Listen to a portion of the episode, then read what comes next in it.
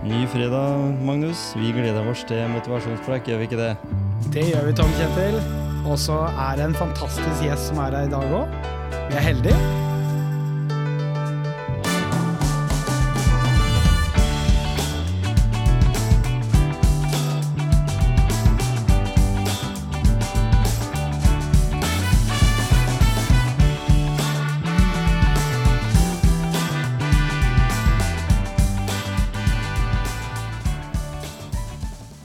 Ja, for et par år siden så ble det gjort en undersøkelse i Norge som sier at det er i underkant av 513 000 i alderen 15 til 74 år som har en eh, helse- og sosialfaglig utdanning.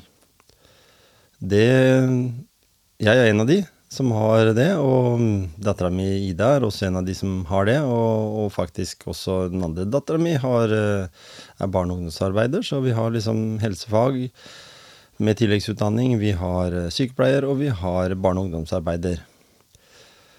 Det som er, det er jo at eh, hvor kan vi jobbe med motivasjon i forhold til nettopp dette temaet her, når vi snakker om en uh, yrkesgruppe uh, i forhold til kvinneandel som er på 348 000 for damer, og ca. 68 000 for menn. Det vil si altså det er nesten 84 uh, kvinneandel. Og når vi tar med alt som er innen helse og, og sosialfaglig, da, så, så, vil det jo si at det er ganske så kvinnedominerende. Og det vet vi jo alle. Det som Statistisk sentralbyrå mente i 2012, det var at det ville være behov for 52 000 helsefagarbeidere i 2035. Helsefagarbeidere som det vi kjenner som hjelpepleier tidligere, øh, blir gjort om til helsefag. Og det er jo Har du en helsefagutdanning, øh, så har du det samme som en elektriker som er øh, elektriker, eller en rørlegger som er rørlegger, og som har fagbrev. Så det blir det samme. Men når det snakkes om uh, endringer underveis, så vet vi nå etter pandemi og alt det som har skjedd, at fortsatt så greier ikke altså helsevesenet å rekruttere nok, verken menn, men heller ikke nok uh, helsefagarbeidere, da. Og den på 52 000, den er nedskalert nå til 16 000, mens det har økt da spesielt innenfor, innenfor um, sykepleiere. Og da begynner jeg liksom å tenke litt Vi har et fotballag. Og på det fotballaget så har vi elleve forskjellige spillere når, når, kampen starter. Og vi har til og med også noen på benken. Og de på benken de må jo være akkurat like gode, eller i hvert fall så tett opp at like gode, sånn at de kan steppe inn og ikke redusere kvaliteten på laget. Eksempelvis uh, Odd Grenland, for eksempel, eller Odd, da. Odd ballklubb, som de heter nå. Så da er jo tanken min da at eh, hva kan vi gjøre her? Jeg tenker sånn umiddelbart eh, få inn flere menn. Gjør det enkelt for menn med type realkompetanse eh, til å komme inn i helsevesenet. Det er ikke så veldig store bragden. Det er mye at du skal gi, gi av deg sjøl og, og, vise at du bryr deg om andre mennesker. Og det gjør vi jo for så vidt nesten alle, vi mennesker. Det er ikke gitt at alle eh, tar seg en helseutdanning, fordi det kan hende med å gjøre ting eh, på vakt eller på den arbeidsplassen som en, en får jobb, som ikke helt er innafor. Så derfor så må en på en måte være ganske så klar, ganske så trygg på hvor en egentlig har lyst til å jobbe. Og det fins jo utrolig mye å jobbe på. Jeg sier jo de beste åra jeg har hatt innen helse. Eh, jeg skifta jo dette for snart 14 år siden. Eh, en kompis av meg som ga meg muligheten til å jobbe på en eh, nattvakt. Og jeg var helt frelst, hvis en skal si det på den måten. Uh, og det har bare gjort at jeg har nå da er inne i mitt 14. år. Uh, kan komme til å fortsette med dette her resten av livet, egentlig. Fordi jeg akkurat i øyeblikket har det mest ideelle arbeidsopplegget mitt. Jeg jobber på Nattpatruljen i Porsgrunn kommune. Og en en halvtårsvikariat vikariat på Noragutu, på rehabiliteringsavdeling der oppe. Så jeg slipper ikke tak på sykehuset, men jeg går litt annen, en litt annen vei. Fordi det er den spesialutdanninga jeg har, blant annet, uh, for å bli en helsefagarbeider med spesialutdanning. Men det som jeg vil fram til, er jo hvor viktig et spørsmål som dukka opp under pandemien, eh, dette at en intensivsykepleier kunne jobbe med en eh, helsefagarbeider skulder mot skulder, det eh, skjønner jeg ikke at ikke er mulig. Jeg, jeg, jeg vet ikke jeg, men om det er sykepleierne som er sære, eller systemet som er sært, eller hva det er.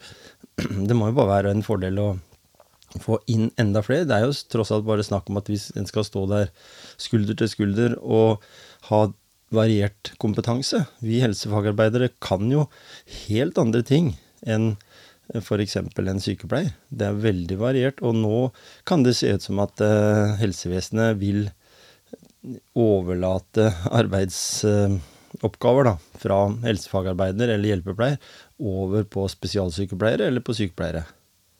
Så er spørsmålet er det det dere sykepleiere ønsker, eller ønsker dere en, en god kombinasjon av eh, flere faglige grupper. Som jeg nevnte, fotballaget. Hvis vi bare har keepere på fotballaget, så blir det ikke spesielt godt fotballag. Det samme gjelder jo også i helsevesenet, at vi er et lag. At vi er et team som alltid fra vaskedama eh, til eh, legen. Fra lege til spesialist. Eh, tverrfaglig arbeid. Det er mange elementer her som, som er eh, veldig bra å ta med seg og som kan gjøre norsk helsevesen enda bedre. Eh, vi snakker om i Norge gjennomsnitt på 1800 sykepleiere per eh, Eller 180 eh, sykepleiere på, på 10 000. Personlig så tenker jeg at vi er nede i 1000 i Sverige. Eller nede i 100, mener jeg.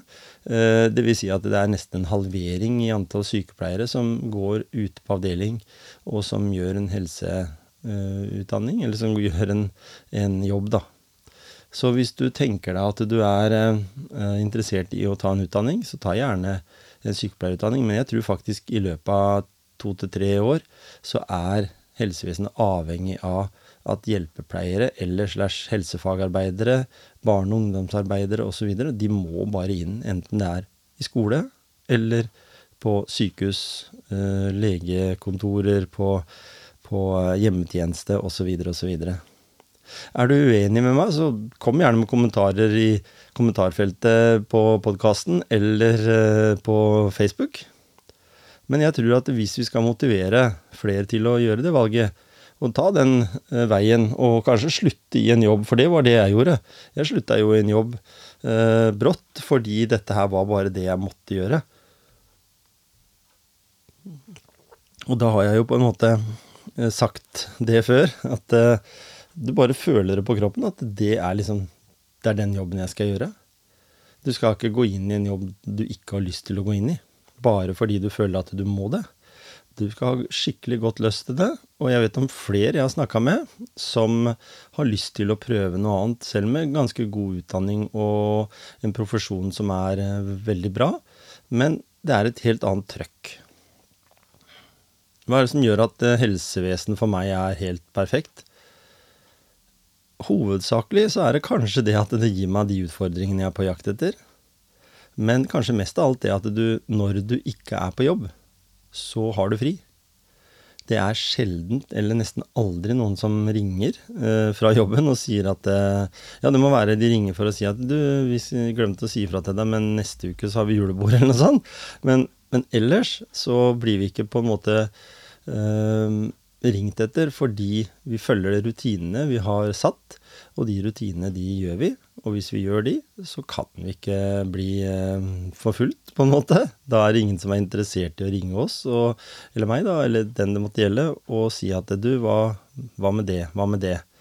Fordi det øyeblikket det kommer inn i bildet, så er det jo på samme nivå med det å drive egen virksomhet, det å, å ha egen business eh, som gjør at du blir tappa, du blir sliten, du har jobben rundt deg 24-7 det ser jeg jo på mange av arbeidskollegene mine, i hvert fall, de åra jeg jobba, at de som greier å legge ting til side, si at nå er det nok, nå må jeg ha meg en pause, nå går jeg ut uh, av jobben, og så er jeg ferdig med det.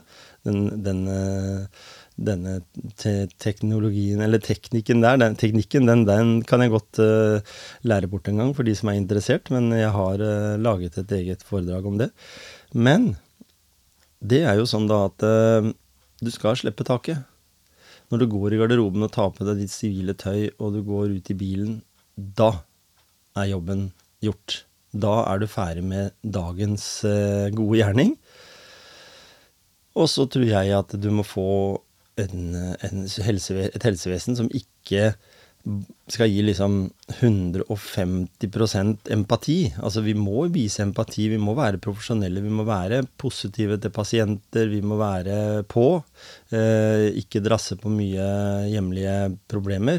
Men problemet vårt er jo egentlig at vi, vi har jo på en måte ikke eh, Det er ikke noe problem, men, men helsevesenet har jo da ikke den herre Eh, bufferen, eller den der, der du kan trekke deg tilbake hvis du ofrer alt. Hvis det er sånn at du begynner allerede på veien opp fra bilen og planlegge hvem pasienter du har og hvor, hva du skal gjøre med dem, så tror jeg at eh, Jeg tror jobben den må skje fra du har fått på deg uniformen til, eh, til du tar av deg uniformen. Så enkelt er det. For ellers så tror jeg ikke du greier det i lengda. Da går det på noen smeller underveis. Og det sier jeg ikke gjelder bare helsevesen, det gjelder generelt uh, jobber overalt. Det er sånn det er. Livet er si, ikke feilfritt. Du kan ikke finne det mest, mest, mest, mest, mest positive i alt. Men så tett opp at det som er mulig, er jo viktigst. Så kan du nyte det å jobbe et sted, kose deg med det, ta lunsj det viser seg jo med nyere forskning at det å ta minimum en ti minutters lunsjperiode eller en pause, det er viktig. Hva du gjør i de ti minuttene, kvarteret, halvtimen, det er ikke så viktig, men det er kanskje aller viktigst i det der, så er det det å være litt sosial med kolleger som ikke det blir snakk om jobb. Så det blir kanskje snakk om hverdagslige ting. Så det blir snakk om um, at du, ja, skal ut på fest i helga, eller at du skal på Follvik gård eller fritidsparken eller hva det måtte være. Og ta deg nå da disse pausene. Unn deg sjøl noen uh, turer til Oslo f.eks. Uh, bo på hotell. Lad batteriene så ofte du kan. Bruk naturen. Vær i aktivitet. Bruk naturen og det rundt deg. Fordi det er så viktig at du både Eh, holder deg sånn noenlunde i form, men ikke det er ikke det viktigste. Det viktigste er at du eh, lader batteriene. At ikke du hele tida lever på low bat, som det står på, på en del biler og, og, mobiler og sånn. Så håper jeg det at eh, du har skjønt litt av hva jeg har tenkt å komme fram til her. Jeg har snakket om de valg du kan gjøre. Bare prøv helsevesenet er jo laga sånn at hvis du har lyst til å prøve noen vakter, så fins det ledige helgevakter, og det fins muligheten til å prøve seg fram. Det tror jeg er veldig viktig. Eh, begynn i bolig, f.eks., som det er veldig lettvint. Eh, du har gode kolleger rundt deg som er profesjonelle. Og du har kanskje beboere som aksepterer deg ganske lett, hvis du er en rolig og sindig person. Vil du videre inn i spesialhelsetjenesten, så går jo det litt på hvor lang erfaring du har. Så er det sånn at du sluker det som er av teknologi, og, og, og setter deg veldig høyt opp på, på, det med at du kan mye, da. Så gir jo det automatisk også en, en god karakter for å kunne ta en jobb i spesialhelsetjenesten. Så gjør enkle valg. Se hva som er det viktigste rundt deg. Eh, se hva som er hva du har lyst til der og da. Eh, ikke prøv på noe du ikke vet at du har lyst på, bare fordi noen sier det til deg. Prøv også å teste ut. Snakk med noen. Bli enig med deg sjøl hva du har lyst til å gjøre. Og så sier jeg tusen takk for at du lytter på Motivasjonspreik. Jeg sa det at eh, jeg kan sitte aleine i studio, jeg, og liksom furte litt tenker at en ikke får eh, med noen uh, intervjuobjekt. Men jeg var løsningsorientert. Jeg, jeg, siden temaet var um, helsearbeider og sånn, så, så tenkte jeg søren heller. Jeg tar kontakt med Ida. Ida Roligheten, min datter. Du har vært med før. Det har jeg. Ja, og... Så du har jo vært med faktisk intervjua det som nå er olje- og energiminister. Det stemmer, det. Terje Aasland. Mm. Ja. Så du, har ikke, du er ikke helt uten erfaring med mikrofonen planta opp i ansiktet. Det begynner å bli bedre. Men det som jeg eh, hadde lyst til å spørre deg om, da, fordi jeg har jo prata litt rundt dette her i ca. kvarter, om, om, dette her med å tørre å prøve seg uh, innenfor helsevesenet, uh, fordi en bør være litt nysgjerrig. Og tallmaterialet som, som ligger på en rapport da, som er skrevet for et par år siden, viser at faktisk eh, i Norge så er vi veldig opptatt av sykepleiere. I, og spesialsykepleiere i helsevesenet. Mm. Istedenfor at vi er eh, opptatt av å ha et fotballag, f.eks. Eller et team med forskjellige egenskaper. I eh, Norge Jeg nevnte litt tidligere, la på noen nuller og sånn, men sånn i utgangspunktet av 1000 eh, pasienter, så er det 18 sykepleiere i Norge. Oi. Det er såpass, ja. Eh, og på statistikker over eh, godt helsevesen, så er det Norge og Sverige og Danmark og disse nordiske landene som ligger på topp. Mm. Eh, Sverige leverer faktisk den samme tjenesten, mener folk, altså når det gjøres undersøkelser og sånn. Eh, og de har 10,9 sykepleiere per 1000. Ja, Så de har færre? Så de har syv-åtte sykepleiere færre, da. Ja. Men til gjengjeld så har hun mye større prosentandel av helsefagarbeidere, hjelpepleiere og, og andre eh, i, i helsevesenet. Sånn at det, de går for de som er dedikerte til det, det faget de er interessert i. Mm. Og vi har jo snakka mye om det her tidligere, du og jeg, eh, i forhold til å være eh, på det med utdanning. At det er viktig å ta utdannelse. Ja. Eh, men at det er også viktig å velge den utdannelsen som er bra for deg. For, for, igjen å si at du har lyst til å gjøre det, f.eks. For, eksempel. for du har jo nettopp bytta jobb. Ja, nettopp bytta jobb, ja. ja. Mm. Ikke bytta arbeidsplass, men bytta jobb på arbeidsplassen. Ja. Mm Jobber fremdeles på sykehuset Telemark. Ja, ikke sant? Det er jo det som er fordelen. Enten du velger å jobbe i en kommune eller du velger å jobbe på, en, på et sykehus. Det er jo at du kan bytte jobb internt, for det er mange spennende utfordringer innenfor forskjellige typer ting. Så du, du går jo fra ortopedisk avdeling, som mm. på en måte kanskje var din drømmeplass. Eh, når du, jeg husker når du studerte, så husker jeg du kom tilbake og sa 'pappa, pappa, det var så utrolig gøy å være der', og du var liksom ja. så engasjert. og så har du jobba der nå en stund, ja. og nå har du gått et hakk videre, sånn at når når du nå da har eh, eldre barn, så har du valgt nå å jobbe med barn. Eller med foreldre og barn. Mm, ja.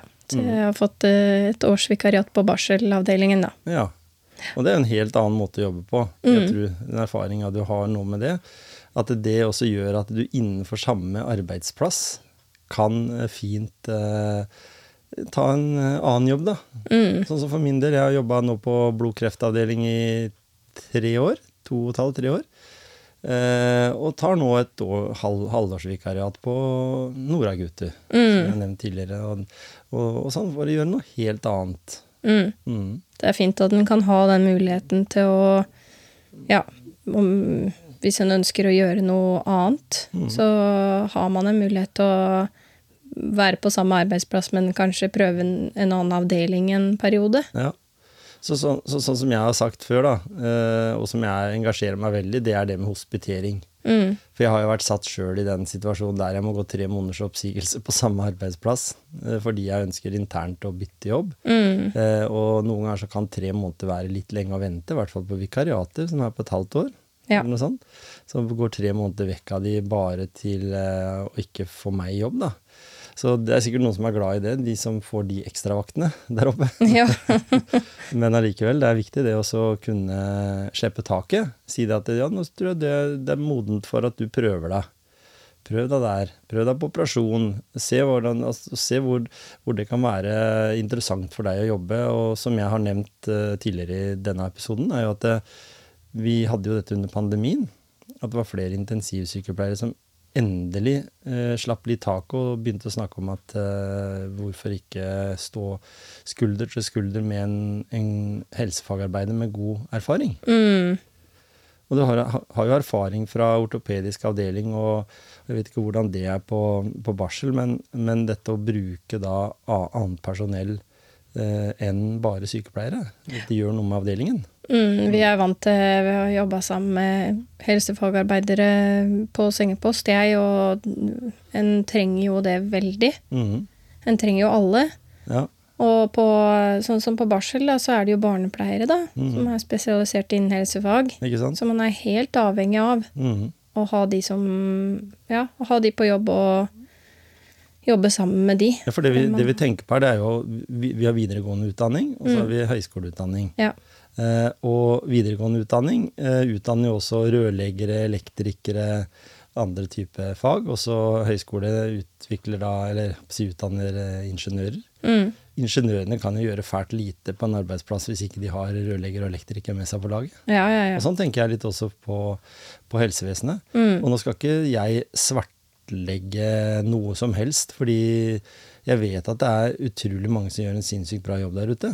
Uh, og det har vært gjort bestandig, eh, helt siden på 1800-tallet, når uh, Florence Nightingale begynte å brette opp armene og, og gikk ut, i, ut, i, ut for å hjelpe folk. Men det har jo skjedd litt siden det.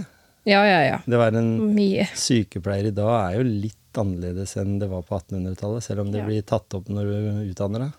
Og så er det jo dette her med tida en bruker til dokumentasjon, Mm. som har blitt mye mer Altså, en må prioritere mer dokumentasjon nå enn det en måtte før. Mm.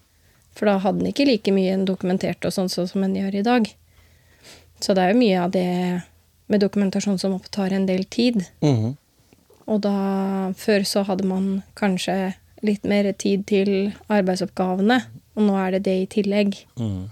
Så det er jo en tidstyv, dette her med dokumentasjon, da. Ja, selv om det er viktig. Det er jo kjempeviktig, så vi trenger det jo absolutt. Men, men det krever en del tid. Og jeg tenker sånn at det, jeg har snakka mye om det i de, den første delen av dette, denne podkasten. Dette med å gjøre valg, kanskje begynne Jeg har snakka med eh, mannfolk som har lyst til å begynne å jobbe i helse. Er litt lei av den eh, jobben de har. Og så har jeg skrytt i at det er jo bra, det er Hvis du er på jakt etter damer, så vil du jo helt sikkert finne, for det er 83,7% damer som, som jobber i helsevesenet. Men uh, vi 68 000 menn da, som er der, kanskje nå oppe i 70 000, uh, vi uh, leverer noe annet. Mm. Vi, eh, vi er på en annen måte, og, vi snakker jo om en, ca. en halv million eh, mennesker som er helsearbeidere, som jobber i helse- og sosialfag. Mm. Så det er ganske mange mennesker. Det er den største yrkesgruppa vi har. Ja, det er det. Mm. Ja. Jeg kan jo egentlig tenke meg det. Ja, så, og da tar vi det. Men, men det som jeg nevnte da, tidligere, og nå skal du også bli eh, presentert for det, det er at uh, Statistisk sentralbyrå mente i 2012 at uh, det ville være behov for 52 000 helsefagarbeidere Mm. som skulle hjelpe sykepleierne uh, innen 2035. Mm. Så det er jo litt tid fram. Men det har endra seg. For nå er faktisk, trenger du bare 16 000.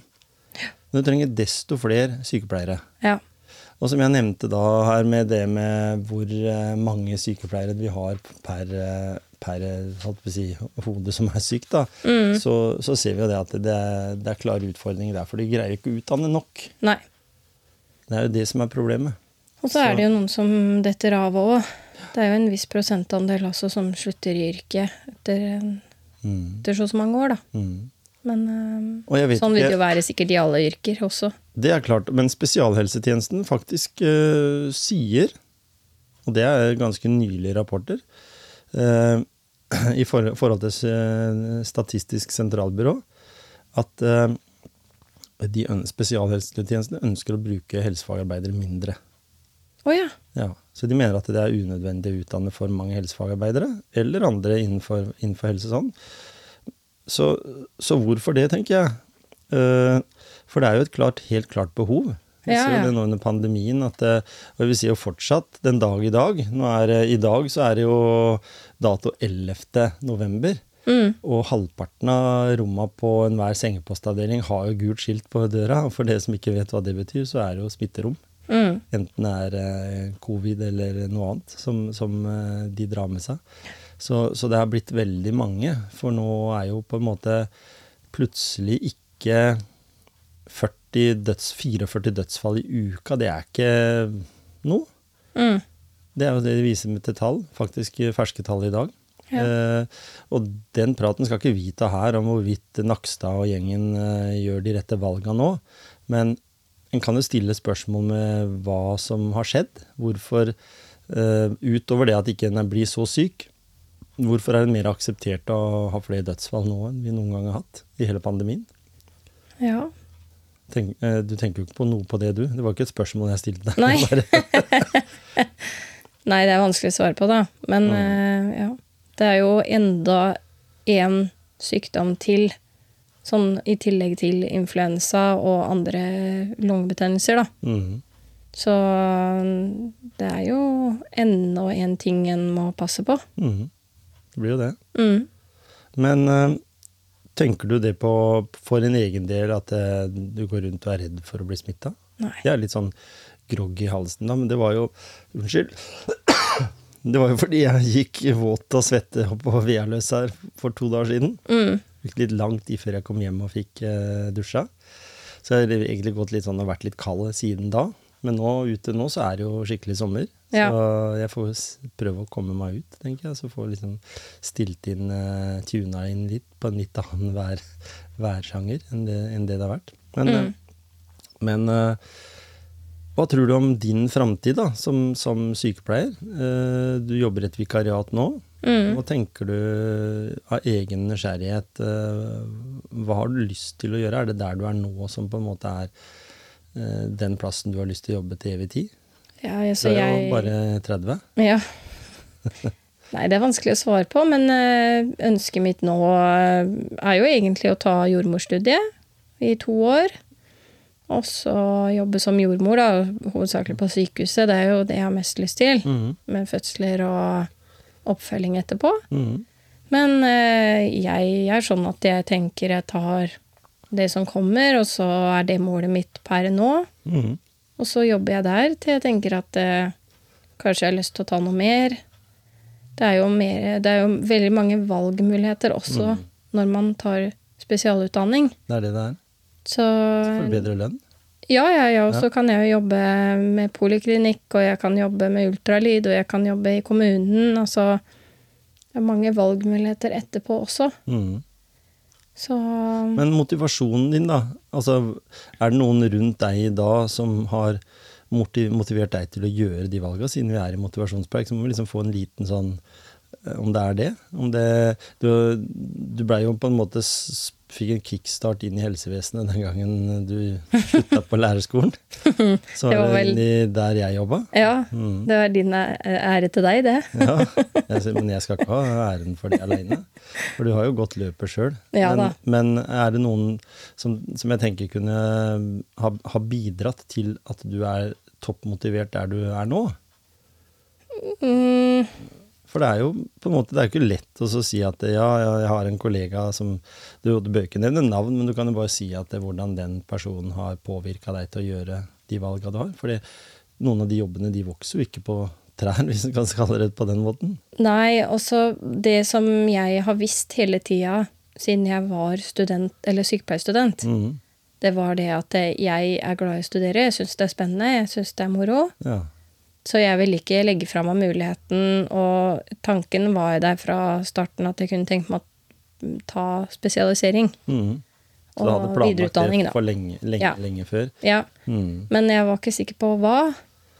Og jeg har jo en venninne, kanskje, som har vært veldig til å oppfordre meg å gå den veien, da. Mm. Eh, når jeg begynte å snakke om det, og, og ønske å jobbe med mødre og barn, da. Mm.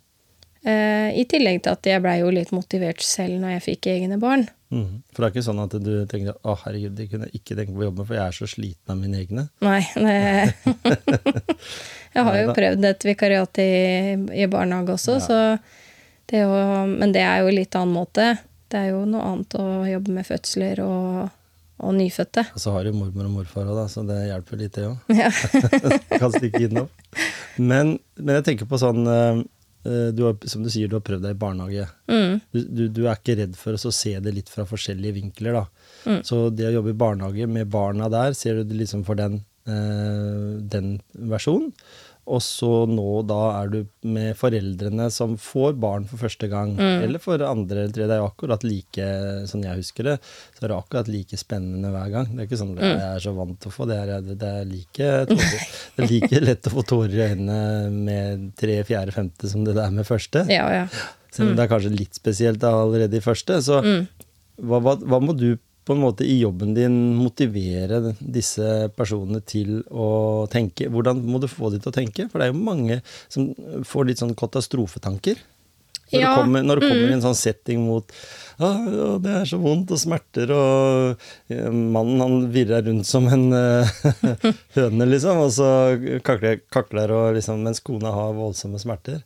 Eh, jeg sier ikke det at vi menn eh, Men jeg, jeg, jeg pleier å si det. Jeg sa til en kollega som venta på at kona skulle føde, at i den tida du er nå, sier jeg, så er du i det som damene kaller for ammetåka. Mm. For jeg følte meg sjøl. Var helt ute av deg sjæl-opplevelse. Det var liksom Jeg kom hjem her, og, og mammaen da, hun var jo på sykehuset, og jeg kom hjem. Jeg bare slokna totalt i sofaen. Mm. Du brukte så mye energi bare for å på en måte være i den settingen som var så til de grader fremmed. Ja, ja, ja. Så all ære til de, og, og til uh, Theo på jobben, som uh, ikke jeg vet har, om han har fått uh, barn nå, eller i hvert fall om de har fått barn. Men han kan vente seg en fin tid framover. Ja. en helt ny tilværelse, i hvert fall. Ja, ikke sant? Men jeg tenker det er en fordel å ha vært der sjøl. Vet litt hvordan det er. Mhm. Ehm, I hvert fall for meg. Og så Ja, jeg har jo mest erfaring fra eh, å jobbe med ortopediske pasienter, sånn i forhold til motivasjon. Men, eh, men jeg opplever i hvert fall at det å forholde seg rolig og lytte og være forståelsesfull og Hva skal jeg si? Føle med, da. Mm. Være på lag. Det er veldig viktig. Eh, Jeg opplever det at eh, når jeg er rolig, så opplever jeg faktisk ofte at de kan bli roligere. Mm. Beroliga av at jeg er rolig. Ikke sant? Så Så gir det, Men- lille ekstra, det gir det lille ekstra også for deg. mm, At du ser at du beroliger mennesker som er kanskje i Ja, du opplever jo mange som er i det for første gang. mm. Det kan jo være at du opplever eldre også som er lagt inn på sykehuset for første gang. Ja, ja. Du har jo det òg. Mm. Mm. Men det å på en måte normalisere det, si Mm. at du er en Altså, du er ikke aleine om det. Nei? Eh, For det kan også en oppleve, at en står litt aleine i en del ting som er vanskelig. Mm. Eh, Og normalisere det litt. Mm. Og så, og så egentlig bare lytte og være forståelsesfull. Mm. Det opplever jeg. Og at det, det å prøve å motivere ved å ta litt og litt av gangen. Altså ikke pøse på med alt på en gang. Nei. Men sånn for eksempel en som skal opp av senga etter et hoftebrudd.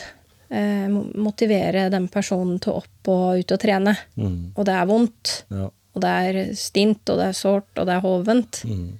Men det å på en måte være positiv og si at vet du hva, dette her klarer du kjempebra, Mm. selv om det bare er noen få skritt. Og si yes og gi en high five eller en klapp på skuldra eller sånne ting. Ja. Så ser du det at de blir så stolt, Mm. og de blir så Oi, ja, var dette her bra? Ja, ja. Men eh, jeg syns det er så fint. Mm. Å At, kunne at gi du de finner den motivasjonen når de kanskje er i en alder av over 80, da, også. Ja. At du, Mm. du ser det at de blir stolte av det. Jeg har sett flere tilfeller av det. Ja, ja. At du går rundt og du klapper noen på skuldra og sier at 'fy søren, så flink du er'. Har du gått to runder her liksom rundt? Ja, ja. Og alle snakker aldri om at det bare er liksom 100 meter, men det er to runder. Mm. For det høres så mye mer ut, og så blir de stolt, og så eh, føler de mestring, da. Ja. ja, og det er den følelsen. Mm. Og du, du ser det så godt på de, den følelsen av mestring. Mm. At de klarer det. Og enda noen jeg møter som er veldig negative, kanskje, og som er veldig bekymra. Mm. Men det å gi de den Yes, dette her var kjempebra jobba. Så ser du det at det, åh, ja, de mestrer det. Ok, Ja, det var kanskje det. Framover, da. Du sa i stad at du hadde lyst til å ta utdanning. Ja. Eh, videreutdanning, som det heter. Mm. Eh, kan du si noen eh, anbefalende ord til eh, f.eks. Eh, unge gutter der ute som Og da tenker jeg på din alder, som har lyst til å åpne seg for muligheten til å f.eks. Uh, jobbe i helsevesenet. da. For Du bør ikke begynne på spesialavdeling på sykehuset. Du Nei. kan jo begynne i bolig eller, eller et eller annet sted som, som det er rolig. For, for min erfaring husker jeg når jeg begynte for snart 14 år siden. Det var jo akkurat det der med at du traff andre mennesker som var rolig. Erfaring. De var liksom trygge på det de drev, drev på med. Og så hadde du selvsagt noen det var litt utfordringer rundt òg, både av kolleger og, og, og brukere. Men, men jeg pleier alltid å si byen i bolig. Det Ja. er, det er rolig. Byen med Jeg jobba ni år i, på trafikkskadeavdeling og lærte utrolig mye der, i kombinasjon med andre ting. Og du har gjort det du sjøl òg. Mm. Så mye av det du på en måte lærte der, det har du tatt med deg videre. Mm. Og det blir jo som å være bilmekaniker. Du skrur bil, og så plutselig så bytter du og begynner å skru en annen type bil. Mm. Sånn er det jo også i helsevesenet, da. Så, så hvis du finner ut av det at det, det å jobbe i bolig for meg, det blei litt for mye øh, ja, klemming, og hvis ikke du er der, Mm. øh, så kan du jo gå videre inn i andre ting. Du kan jo gå inn i hjemmetjenesten, gjøre faste arbeidsoppgaver. Gå i nattjeneste, jobben på natt, få Mm. alle tillegga. Eh, men det kan også gå videre til eh, type Team Fritid og sånn, og jobbe med, med barn og ungdom som ikke er syke, men som kanskje har et handikap. Mm. Mm. Og eh, jeg tenker jo Jeg vil jo absolutt anbefale, fordi de tinga som er positivt med helsevesenet, er jo at det jo, fins jo uendelige arbeidsplasser. Altså omtrent. Du kan jo jobbe, som du sier, i kommune, spesialisthelsetjenesten. Du kan jobbe privat. Mm. Altså du BPA. har Ja. Du kan Og det er liksom forskjell på arbeidstider. Du kan jobbe bare dag, du kan jobbe turnus, du kan jobbe natt. Mm. Eh, og Og så får Du du, alltid er- betalt for alle timene du jobber, Ja. og det kommer inn på konto. Det tenkte jeg det var det første jeg tenkte da Ja. jeg begynte i helse. Jobba innen salg i mange år, og lønna varierte fra det ene til det andre, liksom. Fra Mm. måned til måned. Mye lettere å være forutsigbar og, og ha fokus på det. Selv om det fins yrkesgrupper som tjener bedre, så, så tror jeg det at det, bare du jobber, så tjener du bra. Og så kan du også jobbe deg oppover òg, ikke sant. At man kan ta en ledelsesutdannelse. Da. I tillegg seinere så kan du bli seksjonsleder, du kan bli fagansvarlig, du kan ja, gå Altså jobbe deg oppover i systemet og få en høyere stilling etter hvert, da. Ehm, så det er jo det som jeg tenker at jeg vil ha alle muligheter åpne. At eh, kanskje finner jeg ut av det en da at jeg har lyst til å bli leder. Men da kan man det også Ikke sant? ved å ha gått den veien da, og begynt som helsefagarbeider eller sykepleier eller Og så kan du velge å ta eh, sånn som ja, en del menn som jobber prehospitalt, blant annet. Mhm. Ehm, så kan man gå den veien også. Ja. Enten ved anestesi eller ved akuttsykepleie eller, ja, Ambulansepersonell, eller for eksempel. Eller portør. Eller portør. Det har jo så mange ja. innenfor, innenfor det, så er det utrolig mange ting som så, så er det noen der ute da, som plutselig fikk ånden over seg, hadde lyst til å vite litt mer om noe, så er det jo bare å kommentere og legge ut på Facebook, Mm. på gruppa vår, motivasjonspreik. Og sånn, så skal vi prøve å svare. Kan også sende personlig melding til meg eller til deg, Ida. Eh, bare sånn for å liksom si at eh, du, hva skal jeg gjøre? Jeg har sånn og sånn i dag, og har så lyst til å bytte jobb. Og jeg vet jo det at selv om ikke du får tvert 100% stilling, så får du i hvert fall jobbe 100 ja. Tilsvarende, Så, tilsvarende 100 Hvis du er litt kreativ og, og sånn, så får du det. Og så Mm. er det alltid sånn at de som er flinke, de får. Mm. Jeg sier ikke Jeg var heldig som sier jeg mange ganger, jeg har vært heldig som har fått faste stillinger og som har vært ganske store. Men det er jo rett og slett fordi du på en måte gir av deg sjøl. Ja, ja, ja. Står på. Viser, viser at du er interessert i den jobben du har. Mm. Og sånn er det jo i alle yrkesgrupper òg. Hvis du er elektriker og du ikke gidder å utinstallere kabel eller sette opp stikkontakter, så blir du ikke ansett som å være en dyktig rølle... Nei, elektriker. Nei, også... Når rørleggere setter ikke opp stikkontakter. nei. og så er det ikke det med at uh, du skal ikke nødvendigvis jobbe på spreng ikke sant, når du er på jobb. Det er bare at du viser at du er engasjert, og at du vil gjøre ting sjøl. Du er en god kollega. Ja. Mm. ja, og, og være kollegial, da. Ja. Hjelpe de andre. Mm, Være på tilbudssida. Mm. Det, det er de tingene Det blir veldig satt pris på. Ja.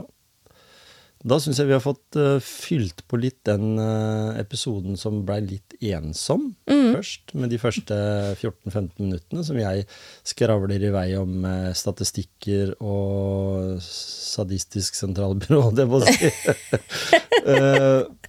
Eh, og så til det at du hadde muligheten en fredag til å stikke innom. Det var veldig sporty av deg, Ida.